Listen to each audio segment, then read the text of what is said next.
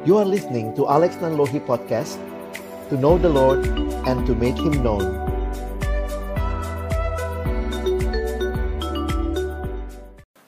Baik, selamat malam Bapak Ibu Saudara yang dikasihi dalam Tuhan Yesus Kristus. Pertama-tama saya bersyukur kesempatan ini Tuhan berikan dengan teknologi yang ada walaupun kita berjauhan. Saya saat ini ada di Jakarta.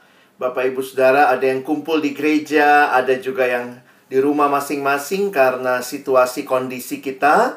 Tetapi kesempatan ini bisa Tuhan berikan untuk kita bersama-sama mengikuti pembinaan. Saya Alex Nanlohi, saat ini saya melayani di dalam pelayanan uh, perkantas Persekutuan Kristen antar universitas di Jakarta. Saya juga banyak terlibat di dalam pemuridan, khususnya di kalangan uh, kaum intelektual, baik di orang muda, siswa dan mahasiswa, dan juga uh, saya mengajar uh, salah satunya mata kuliahnya pemuridan begitu ya di uh, ada dua STT yang juga mempercayakan pelayanan untuk uh, saya mengajar.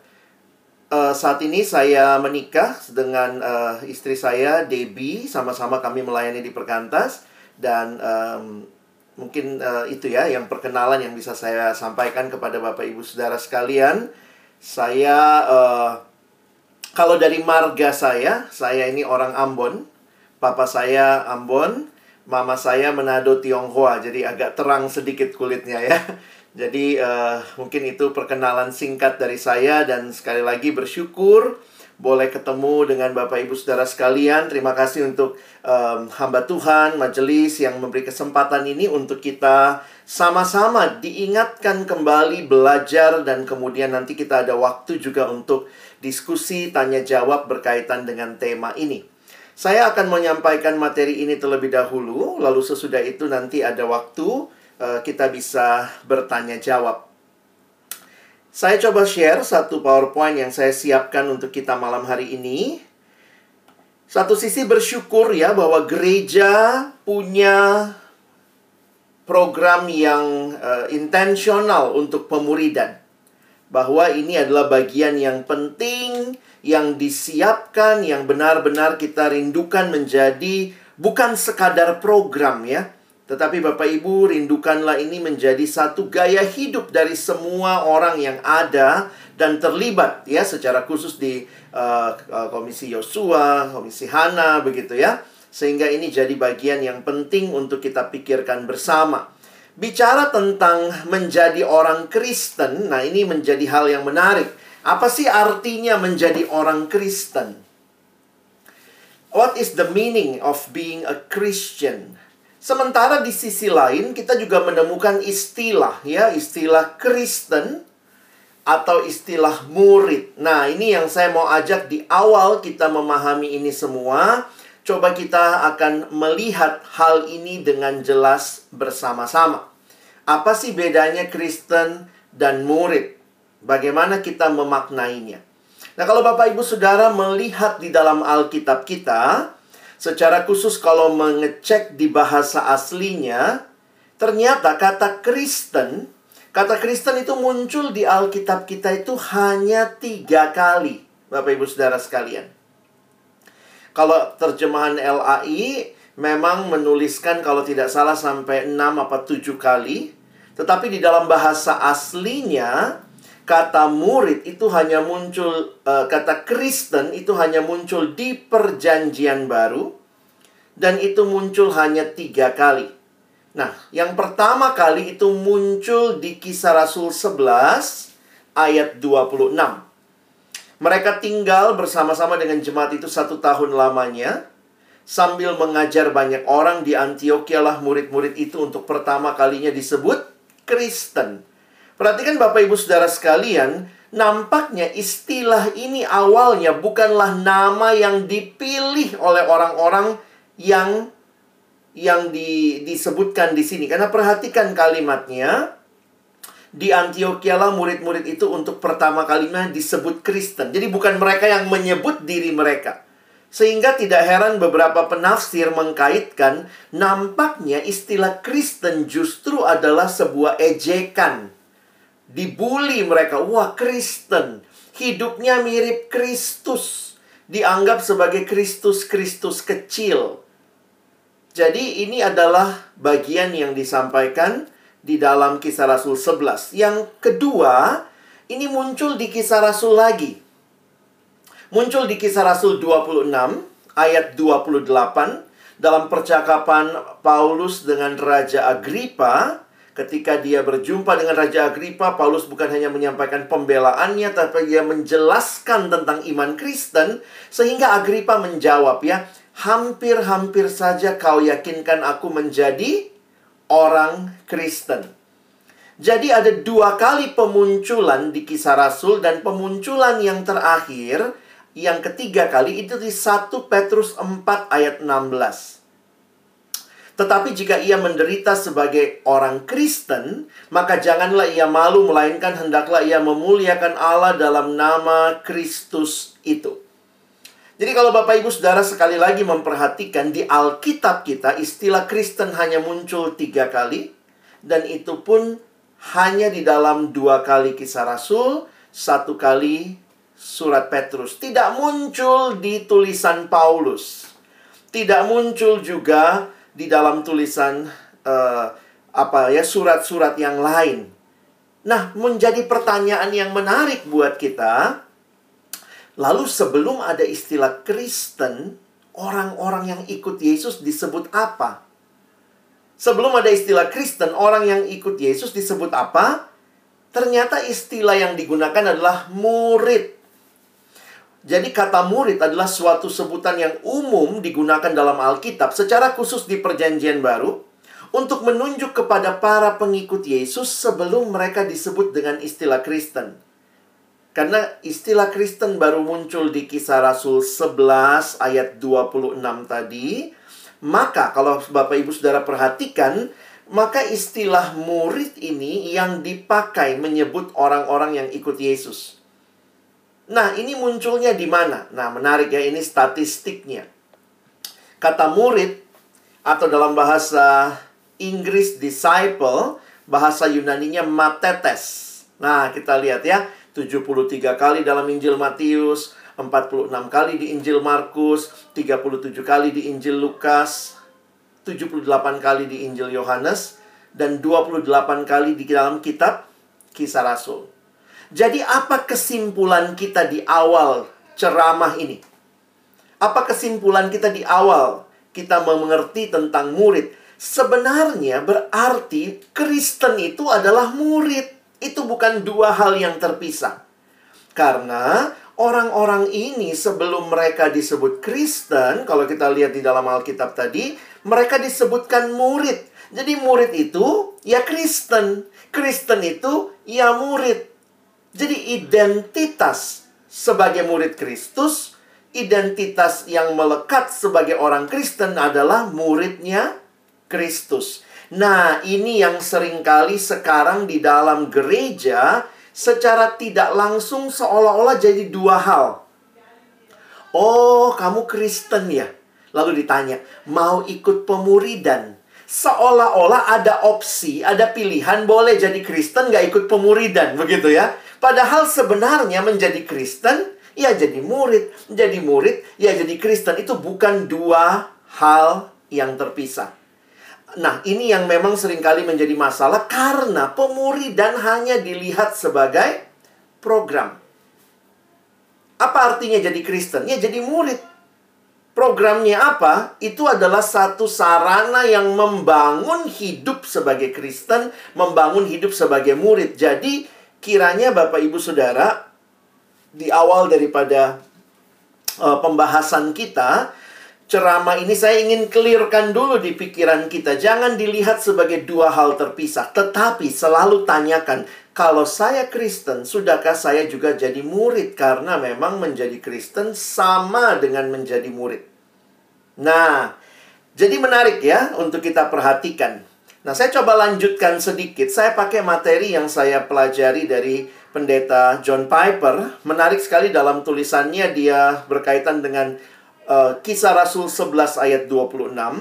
Nah, ini pembahasannya. Saya sudah tuliskan kalimatnya ya. Murid pada kenyataannya bukan istilah favorit bagi orang Kristen seiring berjalannya waktu tampaknya. Kenapa? Dia mencoba berargumentasi bahwa kayak Rasul Paulus yang menulis kemudian bahkan tidak pernah menggunakan kata benda atau kata kerja murid. Jadi nampaknya memang murid itu uh, dipakai banyak di masa Yesus sampai kira-kira kisah Rasul lalu kemudian berubah dipanggil Kristen tapi Paulus sendiri juga menarik Paulus tidak muncul istilah Kristen tidak muncul istilah murid Paulus misalnya pakai orang percaya Paulus pakai istilah manusia baru jadi kenyataannya kata John Piper baik kata benda murid atau kata kerja menjadikan murid tidak muncul di mana pun dalam perjanjian baru di luar kitab Injil dan kitab kisah Rasul. Itu yang kita lihat tadi ya. Jadi istilah murid hanya muncul di dalam kitab Injil dan kitab para Rasul. Jadi kalau kita bicara istilah sebenarnya poinnya begini Bapak Ibu ya. Saya setuju dengan John Piper dia bilang begini. Jadi menurut saya, menurut John Piper, yang penting bukan terminologinya. Mau dia pakai istilah murid kah? Mau dia pakai istilah orang percaya kah? Mau dia pakai istilah Kristen kah? Mau dia pakai istilah gereja kah? Atau jemaat? Orang perlu menjadi orang Kristen dan perlu diajar bagaimana berpikir dan merasa, artinya punya pikiran, punya perasaan, dan punya tindakan sebagai orang Kristen. Jadi secara sederhana kalau kita mau menyimpulkan gereja harus fokus membentuk hidup orang yang benar-benar ikut Yesus. Ikut Yesus bukan hanya di pikirannya, tapi perasaannya ikut dunia. Tidak. Tapi baik pikiran, baik perasaan, dan bahkan tindakannya nyata dia orang Kristen. Makanya disimpulkannya begini. Jadi, seorang murid adalah seorang pengikut Yesus, seorang yang sudah menerima Yesus sebagai Tuhan dan Juru Selamat satu-satunya, dan bahkan menjadikan Yesus harta utamanya di dalam hidup. Harta utama itu berarti kita tidak mau kehilangan itu. Itulah our greatest treasure. Nah, jadi Bapak Ibu Saudara sekalian, apa yang menjadi panggilan Allah bagi gereja. Gereja bukan hanya hadir melakukan berbagai kegiatan, gereja harus hadir menjadi satu wadah, tempat di mana murid Kristus dihasilkan. Gereja harus berfungsi untuk menghasilkan murid. Jadi kalau kita perhatikan, kenapa sekarang banyak gereja kembali ke pemuridan? Karena gereja makin sadar yang penting bukan hanya bangun gedung, tapi bangun murid. Karena apa? Ketika saya dapat kesempatan studi lanjut teologi di Eropa, yang menarik itu kalau Bapak Ibu yang sudah pernah ke Eropa jalan-jalan ke sana, apa yang biasanya kita kunjungi kalau di Eropa? Di Eropa itu turnya biasanya ke mana?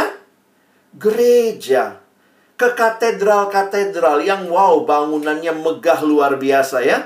Kalau buat kami waktu mahasiswa wisata ke gereja itu itu yang murah. Kenapa? Gratis Bapak Ibu ya. Kalau di Eropa tuh masuk gereja itu biasanya bisa foto-foto gratis begitu ya. Menariknya kenapa? Gedungnya megah-megah. Kadang-kadang waktu kita datang ke situ eh lagi ibadah. Yang ibadah di katedral yang megah cuma opa oma engkong encim gitu ya emak yang udah tua kadang-kadang cuma ada delapan orang gerejanya megah sekali di sini kemudian mengingatkan kita kalau gereja hanya bangun gedung lupa bangun murid maka sebenarnya gereja kehilangan panggilan utamanya karena kita bukan hadir hanya bangun gedung tentu kita butuh gedung kita butuh fasilitas. Kadang-kadang kan untuk itu berapa banyak uang yang kita harus cari. Tapi pertanyaannya, apakah isinya, muridnya dibangun? Karena itu saya bersyukur gereja akhirnya banyak yang kembali fokus kepada pemuridan. Bukan hanya membangun fasilitas, tetapi membangun kehidupan murid Dan inilah yang juga sebenarnya kalau kita perhatikan menjadi apa yang Tuhan Yesus pesankan kepada gerejanya. Nah, sekarang saya mau lanjut yang kedua ya. Kalau tadi dasar pemahaman mengapa gereja harus memuridkan, karena inilah panggilan Allah, inilah yang sebenarnya menjadi tujuan kehadiran gereja membangun murid yang menyerupai Kristus, yang ikut Yesus dengan segenap hidupnya. Bagaimana kira-kira karakteristik murid? Murid itu kayak apa sih? Jadi orang itu disebut murid kalau dia seperti apa? Orang itu disebut Kristen kalau dia seperti apa? Sebenarnya sangat jelas Bapak Ibu ya. Kristen itu harus Christ in, berarti harus di dalam Kristus, harus hidupnya mirip mirip Yesus. Udah jelas itu. Tapi kira-kira apa bentuk hidup yang ikut Yesus? Karena itu kalau kita perhatikan, saya mau mengambil satu bagian dalam Injil Matius. Nah, Bapak Ibu Saudara sekalian, saya ingin kita melihat karakteristik murid dalam Injil Matius. Saya mengambil tiga bagian dalam Injil Matius untuk menolong kita malam hari ini. Maaf Bapak Ibu kalau punya Alkitab silakan boleh dibuka, saya akan bacakan buat kita. Injil Matius pasal 23 ayat 1 sampai ayat yang ketiga. Ya, mari kita lihat sebentar. Saya ingin ajak kita memahami bagian ini untuk boleh mengerti apa sebenarnya cirinya murid, ya. Mari kita perhatikan, saya baca ayat 1 sampai ayat yang ketiga. Maka berkatalah Yesus kepada orang banyak dan kepada murid-muridnya katanya, Ahli-ahli Taurat dan orang-orang Farisi telah menduduki kursi Musa Maksudnya mereka yang mengajar pada waktu itu. Ayat 3. Sebab itu, turuti dan melakukanlah segala sesuatu yang mereka ajarkan kepadamu, tetapi janganlah kamu turuti perbuatan-perbuatan mereka, karena mereka mengajarkannya tetapi tidak melakukannya. Bapak Ibu perhatikan baik-baik ya. Mereka mengajarkannya tetapi tidak melakukannya. Dulu saya pikir Yesus itu benci sama semua tentang ahli Taurat dan orang Farisi. Tapi kalau Bapak Ibu perhatikan ayat ini ternyata ada loh yang Yesus tidak benci. Bahkan Tuhan Yesus suruh muridnya ikut itu. Apa itu? Kalau kita membandingkan antara murid dan Farisi, Bapak Ibu perhatikan Yesus bahkan bilang begini ya, turutilah ayat 3 turuti dan dan lakukanlah segala sesuatu yang mereka ajarkan kepadamu. Apanya yang bagus kata Yesus? Ajarannya. Itu hal yang baik. Yang mereka ajarkan adalah apa yang kitab suci ajarkan, tetapi masalahnya di mana? Masalahnya mereka mengajarkannya tetapi tidak melakukannya. Bapak Ibu Saudara sekalian, coba kita lihat Apakah yang gereja hasilkan orang yang hanya tahu banyak? Tentu tidak salah. Farisi sama murid, dua-duanya apa? Harusnya dua-duanya punya pengetahuan. Kalau Farisi bahkan sudah mengajarkan. Tetapi bedanya apa? Farisi cuma tahu ajarannya. Tahu mengajarkannya. Tetapi dia tidak melakukannya. Maka berarti murid harusnya punya kualitas yang bagaimana? Kualitas yang tahu dan juga melakukan. Jadi gereja tidak hanya hadir Bapak Ibu sekalian untuk mengajar saja. Gereja harus membentuk murid bukan hanya membentuk farisi. Karena itu kalau Bapak Ibu perhatikan, fokus pelayanan Yesus adalah menolong para murid bukan hanya tahu, tetapi juga melakukan yang mereka tahu. Perhatikan bagian yang berikutnya. Kali ini Matius pasal 7, ya. Saya ingin membacakan bagi kita Matius pasal 7 ayat 24 sampai 27. Kalau Bapak Ibu Saudara memperhatikan bagian ini, ini sebenarnya akhir khotbah di bukit. Di akhir khotbah di bukit, Yesus memberikan gambaran. Ada dua gambaran orang yang Yesus berikan. Saya baca ayat 24. Setiap orang yang mendengar perkataanku ini dan melakukannya, ia sama dengan orang yang bijaksana yang mendirikan rumahnya di atas batu. Kemudian turunlah hujan dan datanglah banjir lalu angin melanda rumah itu. Tetapi rumah itu tidak rubuh sebab didirikan di atas batu. Tetapi setiap orang yang mendengar perkataanku ini dan tidak melakukannya, ia sama dengan orang yang bodoh yang mendirikan rumahnya di atas pasir. Kemudian turunlah hujan dan datanglah banjir, lalu angin melanda rumah itu sehingga rubuhlah rumah itu dan hebatlah kerusakannya. Menarik sekali, ada dua macam orang yang Yesus kontraskan. Orang yang bagaimana? Kalau Bapak Ibu baca dengan jelas, jangan bilang orang yang bangun rumah, yaitu ilustrasinya. Tetapi lihat baik-baik, Yesus mengkontraskan antara orang yang bijaksana, ada kalimatnya ya, dan orang yang bodoh. Apa persamaan keduanya? bukan sama-sama bangun rumah. Itu sekali lagi ilustrasinya. Baca baik-baik. Ayat 24. Setiap orang yang mendengar perkataanku ini dan melakukannya, ia sama dengan seperti orang yang bijaksana. Lalu orang bodoh bagaimana? Apa persamaannya dengan orang bijaksana? Ternyata baca di ayat yang ke-26, tetapi setiap orang yang mendengar perkataanku ini, berarti orang yang bodoh pun dengar perkataan, tetapi tidak melakukan. Jadi kalau Bapak Ibu perhatikan kenapa Yesus cukup mengkontraskan antara orang bodoh, orang bijaksana. Yesus mengkontraskan tadi antara muridnya dengan orang Farisi yang Yesus datang ke dalam dunia, dia tidak hanya mau mengajarkan orang, tetapi kalau kita perhatikan, Yesus membangun hidup yang murid, yang bukan hanya dengar, tetapi melakukan yang didengar. Makanya, kalau kita perhatikan, satu ayat lagi ya, Bapak Ibu, Matius 7 ayat 21. Ayo kita lihat naik sedikit dari ayat tadi ya. Matius 7 ayat 21 Bapak Ibu perhatikan saya bacakan buat kita. Kalimat Yesus, bukan setiap orang yang berseru kepadaku Tuhan, Tuhan akan masuk ke dalam kerajaan sorga. Melainkan dia yang melakukan kehendak Bapakku yang di sorga. Bapak Ibu perhatikan, bukan di sini Yesus lagi mengajar kita selamat karena melakukan perbuatan baik. Tidak.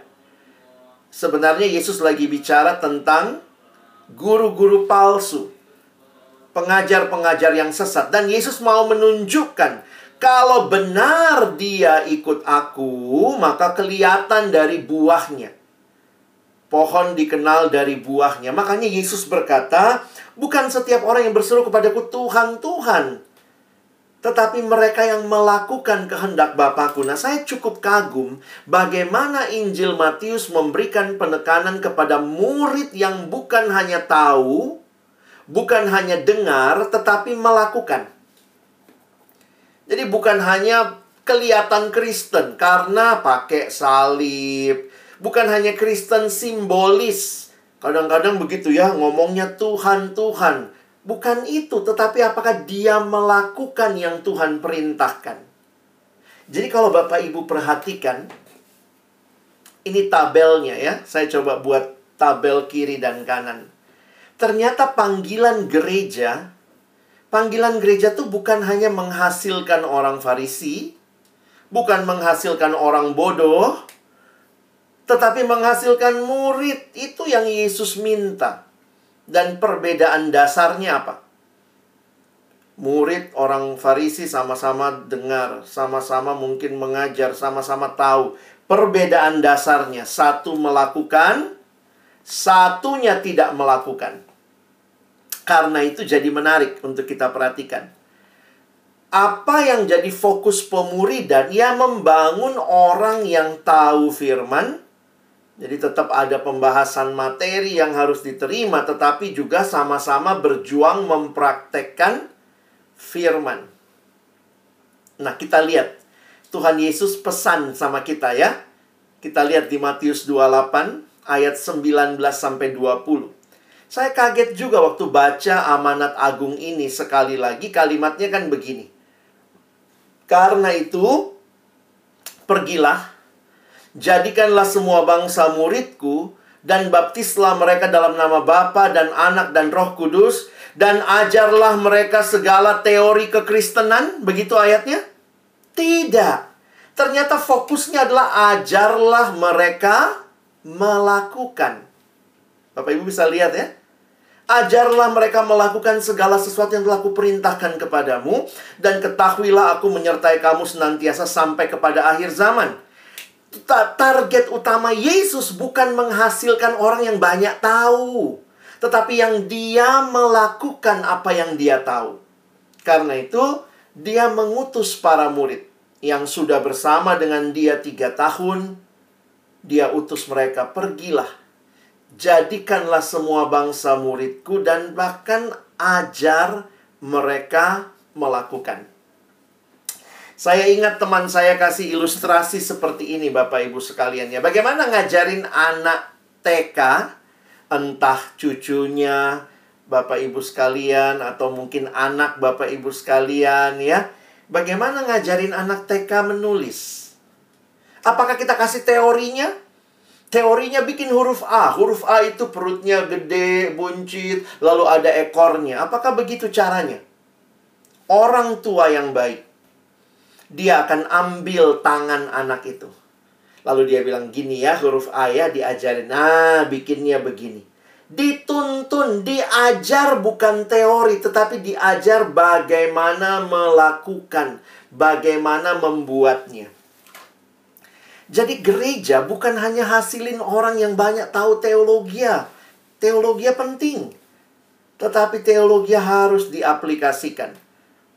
Kita tidak hanya membangun orang yang kalau cerdas cermat Alkitab dia paling tahu ayat Alkitab. Tapi bagaimana hidup kesehariannya. Yesus datang ke dalam dunia membangun murid. Bukan hanya membangun orang Farisi. Nah, sekarang kita lihat Bagaimana melakukannya? Saya coba kutip lagi pendeta John Piper. Bagaimana membangun murid? Kenapa gereja sekarang sibuk pemuri dan bagaimana sih membangun murid yang kayak tadi yang tahu firman dan melakukan firman? Tuhan Yesus tadi sudah bilang ya Bapak Ibu sekalian ya. Ajarlah mereka. Tapi menarik sekali waktu saya perhatikan Matius Matius 28 ini Tuhan Yesus berikan kepada berapa orang? Coba Bapak Ibu yang punya Alkitab kita buka ya Matius 28 kita baca ayat 16-nya sebentar ya. Matius 28 ayat 16 dan ke sebelas murid itu berangkat ke Galilea ke bukit yang telah ditunjukkan Yesus kepada mereka. Kenapa Yesus cuma kasih pesan ini kepada dua sebelas murid? Sebenarnya kan harusnya dua belas ya, tapi Yudas kan sudah sudah mati duluan. Kenapa dikasihnya sama sebelas murid? Bapak Ibu bisa perhatikan di sini. Berarti ada hal yang menarik. Yesus memulai sebuah pelayanan yang kecil sebuah pelayanan kelompok. Atau saya pakai istilah begini ya. Yesus itu membangun kerajaannya dengan cara memanggil murid-muridnya, memanggil sekelompok muridnya. Kalau Bapak Ibu nanti memperhatikan pemuridannya Tuhan Yesus, itu kan dimulai ketika Yesus memanggil mereka di Matius 4. Yesus bilang apa? Mari ikutlah aku dan kamu akan kujadikan penjala manusia. Dan akhir dari bagian ini adalah visi digenapi ketika Yesus berkata kepada mereka ayat tadi, "Karena itu pergilah, jadikanlah semua bangsa muridku." Dan proses ini dilewati selama kurang lebih tiga tahun. Di mana? Di dalam sebuah kelompok yang lebih kecil. Bapak Ibu sekalian, Tuhan Yesus tidak menolak pelayanan kelompok besar. Yesus bahkan pernah khotbah di depan 5000 orang, betul ya? Tetapi fokus tiga tahun setengah pelayanan Yesus, dia fokus membentuk berapa orang? Sebelas murid. Harusnya kan 12, satunya bandel. Yesus fokus membentuk 11 murid. Sehingga kalau Bapak Ibu perhatikan sebenarnya penghayatan pemuridan inilah yang gereja sekarang ambil. Karena waktu kita lihat bagaimana Yesus menjangkau dunia. Yesus melakukan pelipat gandaan melalui para murid untuk menjangkau dunia. Sebenarnya kalau Bapak Ibu perhatikan, Yesus tuh punya kelompok yang lebih kecil lagi dengan tiga murid ya. Maaf, saya tidak ketemu foto Yesus yang terakhir. Jadi ini ini Yesus ya. Bayangkan Yesus pimpin tiga murid. Lalu kemudian ada kelompok 12 itu rasul. Lalu kemudian nanti kita lihat ada juga murid yang diutus 70 murid. Lalu kemudian waktu Yesus naik ke surga, kita lihat di kisah rasul sebenarnya ada 120 murid dan inilah yang menjangkau dunia. Karena itu, sekarang saya coba simpulkan ya. Ketika gereja-gereja memahami pemuridan, maka akhirnya gereja meniru apa yang Yesus lakukan. Bikinnya apa? Kelompok-kelompok yang kecil. Karena inilah caranya Yesus melayani dunia. Kenapa? Karena target Yesus bukan hanya tahu, tetapi sampai melakukan yang diketahui. Karena itulah kalau Bapak Ibu Saudara memperhatikan, gereja melakukan pemuridan bukan hanya khotbah minggu, khotbah minggu anggaplah kalau gereja hadir semua berapa 400 500 orang tetapi kita berdoa bahwa ada kelompok-kelompok yang kecil yang akan menolong jemaat menjadi murid supaya dia tahu firman dan dia melakukan firman. Ini harus dilakukan sebagai bagian memenuhi apa yang Tuhan Yesus rindukan. Saya kasih contoh begini. Mungkin kalau pendeta, saya misalnya khotbah hari Minggu ya, atau Pak Pendeta berkhotbah hari Minggu. Saudara-saudara penting sekali membaca Alkitab setiap hari. Saya khotbah 400 orang dengar. Benar, 400-nya sudah melakukan. Jangan-jangan cuma jadi farisi. Wah, tahu penting sekali baca firman. Aduh, luar biasa penting baca firman. Tapi nggak dilakukan. Maka gereja harus menolong supaya orang bukan hanya tahu tapi melakukan. Maka apa yang dilakukan? Gereja membuat kelompok-kelompok yang lebih kecil yang sama-sama belajar. Kemarin dengar khotbah apa? Mesti baca firman. Ayo, kita bikin program proyek sama-sama kita kelompok kecil kita baca Alkitab sama-sama ya setiap pagi nanti cerita ya dapat apa dari firman yang dibaca. Kelompok yang lebih kecil itu efektif membangun murid. Kelompok besar kita nggak buang. Kelompok besar, ibadah di gereja, hari Minggu, pendeta khotbah, ibadah-ibadah yang ada di komisi-komisi. Tetapi juga ada kelompok-kelompok pemuridan. Nah itu yang Bapak Ibu bilang apa? Disko-disko ini ya untuk menolong kita jadi murid. Makanya fokusnya adalah bayangkan kalau pendeta dari mimbar mau tahu pergumulan seluruh jemaat. Hari Minggu, oke okay, ada 400 yang kumpul. Saya boleh tanya ibu pergumulannya apa? Satu ibu cerita, oke okay, sekarang pindah. Bapak pergumulannya apa?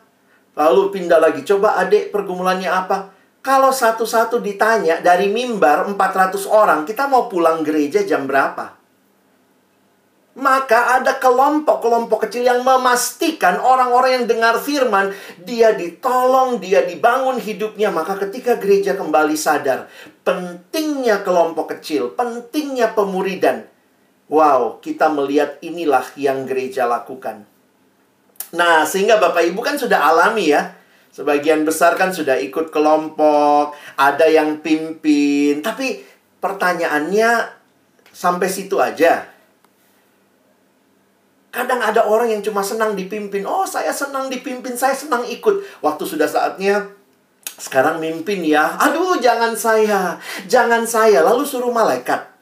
Nanti malaikat yang pimpin kelompoknya dari surga datang, ya. Kadang kita berpikir jangan cuma senang dibina Bapak Ibu ya. Ada bilangnya jangan dibina, dibina, dibina. Nanti lama-lama binasa. Belajar juga membagi diri, belajar juga membina, belajar membangun orang lain. Karena apa? Sebenarnya itulah gereja. Saya mau kasih contoh sebagai bagian terakhir. Nah, saya minta nanti Bapak Ibu juga coba refleksikan dalam hidup kita ya. Kita lihat contoh-contoh di Alkitab. Sebenarnya, pemuridan yang dimaksudkan di dalam Alkitab itu bisa terjadi dalam berbagai pola, berbagai bentuk. Ya, kita lihat. Memang ada pola ini, pola Yesus sama murid ya. Ada yang pola seperti itu, tapi ternyata bukan cuma satu polanya. Saya mengutip apa yang disampaikan pendeta John Piper, dia bilang begini. Coba lihat beberapa ayat ini. Ternyata ada pola di Titus pasal 2. Coba Bapak Ibu Saudara perhatikan ayat 3 dan 4. Demikian juga perempuan-perempuan yang tua hendaklah mereka hidup sebagai orang-orang beribadah, jangan memfitnah, Jangan menjadi hamba anggur, tetapi cakap mengajarkan hal-hal yang baik. Dan dengan demikian, nah ini kalimatnya menarik. Mendidik perempuan-perempuan muda mengasihi suami dan anak-anaknya. Bapak Ibu, waktu saya baca ayat ini langsung kebayang kayak komisi Hana ya. Wah, ada perempuan-perempuan yang lebih tua, ya mari pimpin yang lebih muda. Bisa begitu kan polanya ya. Aduh, saya belum sempurna, Pak Pendeta. Kalau kita tunggu sempurna sampai Tuhan Yesus datang, kita nggak mimpin. Karena kita sedang bicara bertumbuh sama-sama jadi murid. Jadi jangan berpikir, oh saya sudah tamat, saya sudah selesai, makanya saya memimpin. Yang namanya kelompok kecil bersama-sama, yang bertumbuh itu semuanya, termasuk yang memimpin. Nah di Alkitab, ada ternyata polanya seperti perempuan yang lebih tua memimpin perempuan yang lebih muda. Bisa begitu. Ada lagi di dalam Timotius, 2 Timotius 2 ayat 2. Perhatikan Paulus bilang begini. Apa yang telah engkau dengar daripadaku, ini kan surat Paulus sama Timotius ya. Apa yang telah engkau Timotius dengar daripadaku, aku Paulus, di depan banyak saksi, percayakanlah itu kepada orang yang dapat dipercayai yang juga cakap mengajar orang lain. Jadi siapa sih yang bisa mimpin kelompok kecil ya? Bisa yang tadi ya, yang lebih tua mimpin yang lebih muda. Tetapi bisa juga seumuran, bisa juga atau bisa juga bahkan lebih muda. Tapi itu orang yang dapat dipercaya. Orang yang juga cakap mengajar orang lain. Nah, jadi kita bisa lihat ini berbagai pola nih di dalam Alkitab. Ada juga Paulus ke Timotius. Bapak Ibu perhatikan di 2 Timotius 3 ayat 10. Perhatikan kalimatnya. Tetapi engkau Timotius telah mengikuti. Apa yang Timotius ikuti dari Paulus? Bapak Ibu perhatikan ada tujuh ku. Ajaranku, cara hidupku, pendirianku, imanku, kesabaranku, kasihku, dan ketekunanku. Jadi sebenarnya pemuridan itu juga terjadi ketika ada orang yang membagikan hidupnya kepada orang lain. Nah, saya melihat seperti itu ya. Beberapa hamba Tuhan kadang-kadang ponakannya tinggal sama dia, atau mungkin bapak ibu juga yang ada keluarga, sanak saudara, ada yang numpang tinggal di rumah kita, lalu kemudian dia lihat iman kita, dia lihat bagaimana kita ibadah, dia lihat bagaimana kalau ada masalah, dan akhirnya dia tertarik sama kekristenan. Saya mau jadi Kristen juga. Sebenarnya kan juga terjadi pemuridan itu. Membawa orang yang tidak kenal Yesus, lewat hidup yang dibagikan, dia akan kenal siapa Yesus. Apalagi yang muncul? Di dalam Efesus pasal 6 ayat yang keempat, dan kamu bapak-bapak, janganlah bangkitkan amarah dalam hati anak-anakmu, tetapi didiklah mereka dalam ajaran dan nasihat Tuhan. Jadi sebenarnya Bapak Ibu, pemuridan yang paling sederhana harusnya terjadi di mana? Di rumah, di rumah tangga. Orang tua kepada anak. Jadi memang sebenarnya kalau kita bayangkan kalau semua orang tua membimbing anaknya dengan baik ya, di gereja mungkin nggak perlu ada kelompok kecil di komisi remaja dan pemuda ya. Tapi ya kita tahu kan tidak seideal itu. Makanya tetap kita berdoa ya. Makanya di remaja, di pemuda juga ada kelompok-kelompok yang dibangun. Karena juga ternyata bisa antar seumuran begitu ya. Pemuridan terjadi di dalam gereja yang tua ke yang muda, yang lebih pengalaman kepada yang belum berpengalaman, eh, orang tua ke anak. Nah, ini semua bisa kita lakukan. Silakan Bapak Ibu coba usahakan ya. Dan di Alkitab ternyata tanggung jawabnya ini, Bapak Ibu perhatikan. Ibrani 3 ayat 13 berkata, "Tetapi nasihatilah seorang akan yang lain setiap hari Selama masih dapat dikatakan hari ini supaya jangan ada di antara kamu yang menjadi tegar hatinya karena tipu daya dosa. Jadi sebenarnya juga tanggung jawab pemuridan itu bukan cuma tanggung jawabnya pendeta, hamba Tuhan, eh, cuan taunya, musenya, tetapi tanggung jawab semua kita. Dan akhirnya di Ibrani 10 dikatakan, perhatikan kata-katanya. Marilah kita saling memperhatikan, saling mendorong, di bawahnya ada saling menasehati. Karena ini tanggung jawabnya bukan tanggung jawab satu pihak. Kita lihat di Petrus ya. Di 1 Petrus 4 ayat 10. Layanilah seorang akan yang lain. Sesuai dengan karunia yang telah diperoleh tiap-tiap orang sebagai pengurus yang baik dari kasih karunia Allah. Nah contoh saya yang terakhir adalah Apolos. Kalau Bapak Ibu ingat kisahnya, saya bacakan kisah Rasul 18 ya, ayat 24. Sementara itu datanglah ke Efesus seorang Yahudi yang bernama Apolos yang berasal dari Alexandria. Ia seorang yang fasih bicara, berbicara dan sangat mahir dalam soal-soal kitab suci. Tapi menarik sekali perhatikan. Ia telah menerima pengajaran dalam jalan Tuhan, dengan bersemangat ia berbicara dan mengajar dan dengan teliti ia mengajar tentang Yesus tetapi ia hanya mengetahui baptisan Yohanes. Maka ayat 26.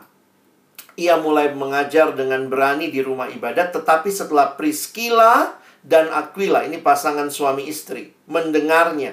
Mereka membawa dia, Apolos, ke rumah mereka dan dengan teliti menjelaskan kepadanya jalan Allah.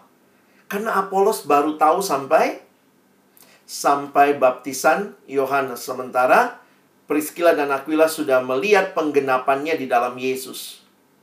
Jadi sebenarnya bisa terjadi orang yang lebih berpengetahuan membagikan kepada yang mungkin pengetahuannya masih lebih kurang. Jadi di dalam gereja harusnya pemuridan itu terjadi dengan berbagai bentuk. Nah, ini kesimpulannya.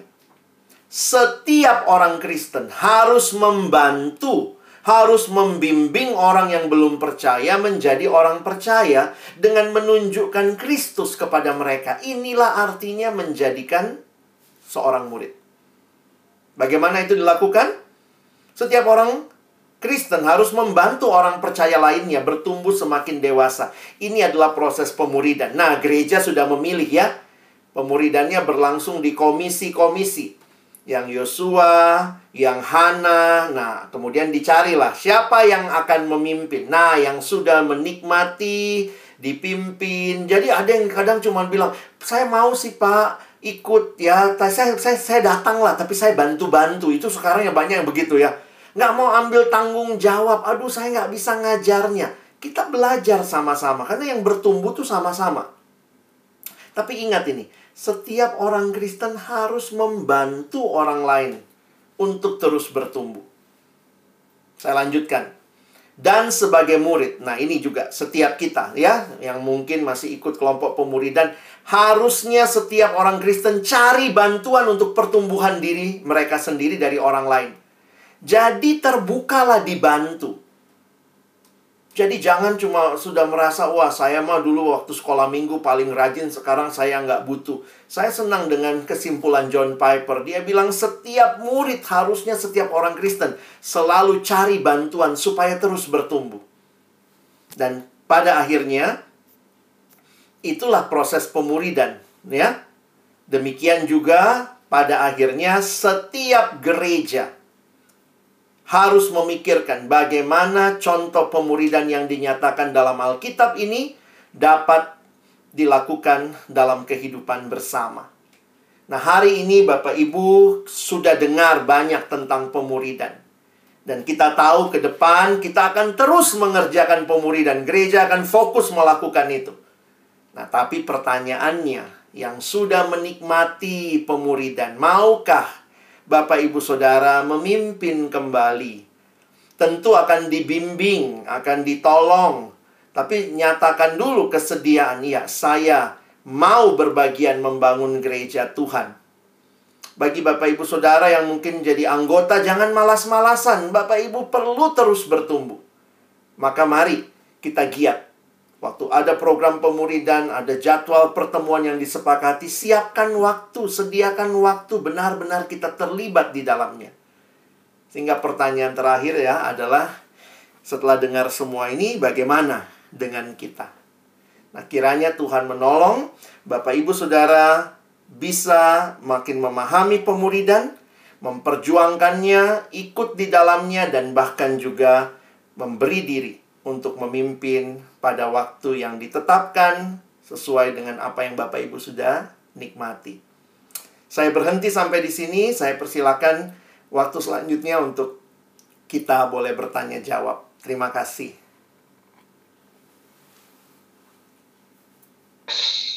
Bisa dimonitor Pak Alex, selamat malam.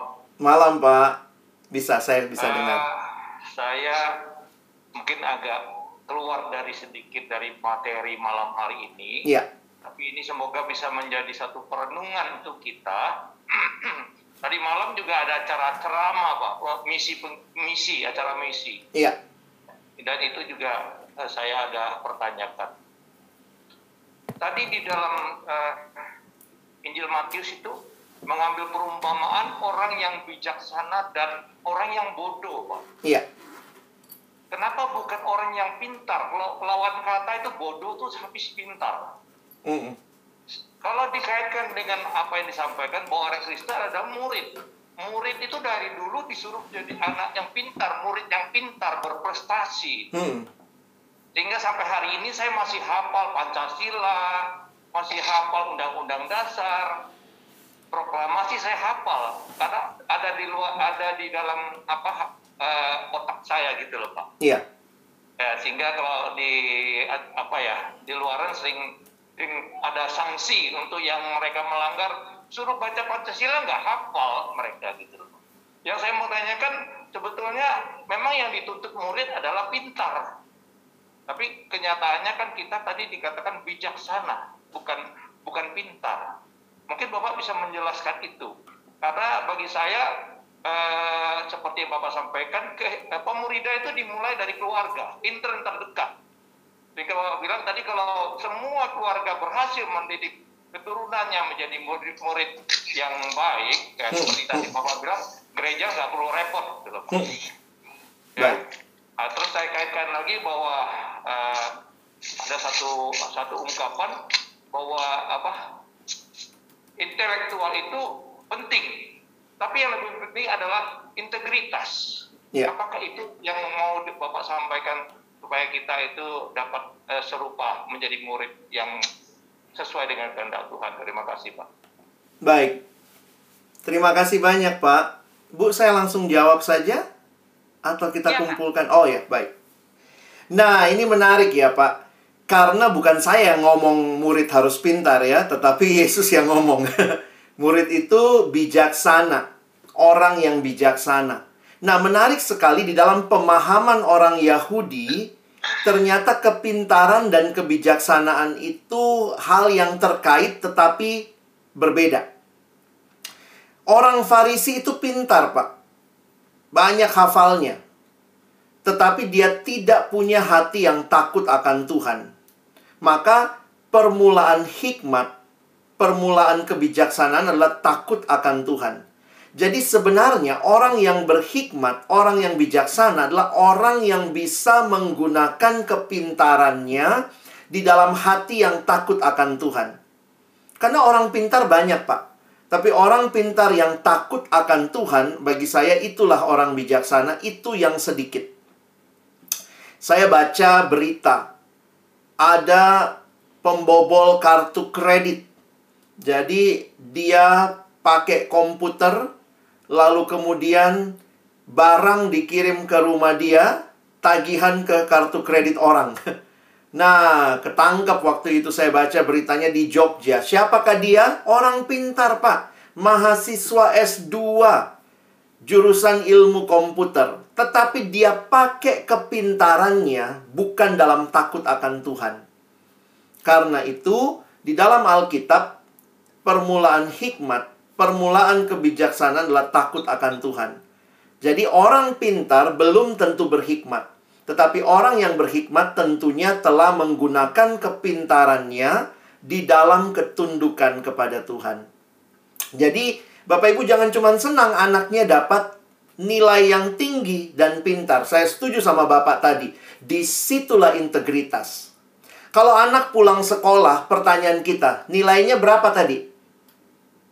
Kalau kita cuma tanya nilai, kita berarti cuma tanya soal kepintaran. Tetapi kalau kita masuk lebih jauh, saya ingat ya, pernah bawakan tema ini antara skor dan karakter. Karakter itu integritas. Maka orang tua yang bijaksana kiranya pertanyaannya lebih jauh. Bukan berapa nilai matematikamu tadi. Bisa, silakan tanya. Berapa dapat nilai matematika tadi? Dapatnya 9, Mama. Tanya lebih jauh. Kamu jujur nggak mengerjakannya? Itu pertanyaan tentang integritas. Anak pintar banyak. Tapi juga bisa pintar nipu. Karena itu kiranya kita mendidik mereka punya integritas. Jadi itu menyatu. Nah, gereja harusnya bukan hanya mendidik orang jadi pintar, itu tugasnya sekolah sebenarnya. Tetapi orang-orang yang bersekolah itu kiranya ditolong gereja untuk punya hati yang takut akan Tuhan, maka dia dimuridkan supaya dia jadi orang yang bijaksana. Mungkin itu penjelasan saya, Pak. Karena tidak ada pertanyaan, mungkin karena semuanya sudah sangat jelas sekali ya, dan sudah benar-benar termotivasi. Uh, jadi kita minta Pak Alex untuk uh, menyampaikan pesannya untuk kita sekali lagi, yang terakhir kali, yeah. dan mungkin juga untuk uh, mendoakan kita. Yeah.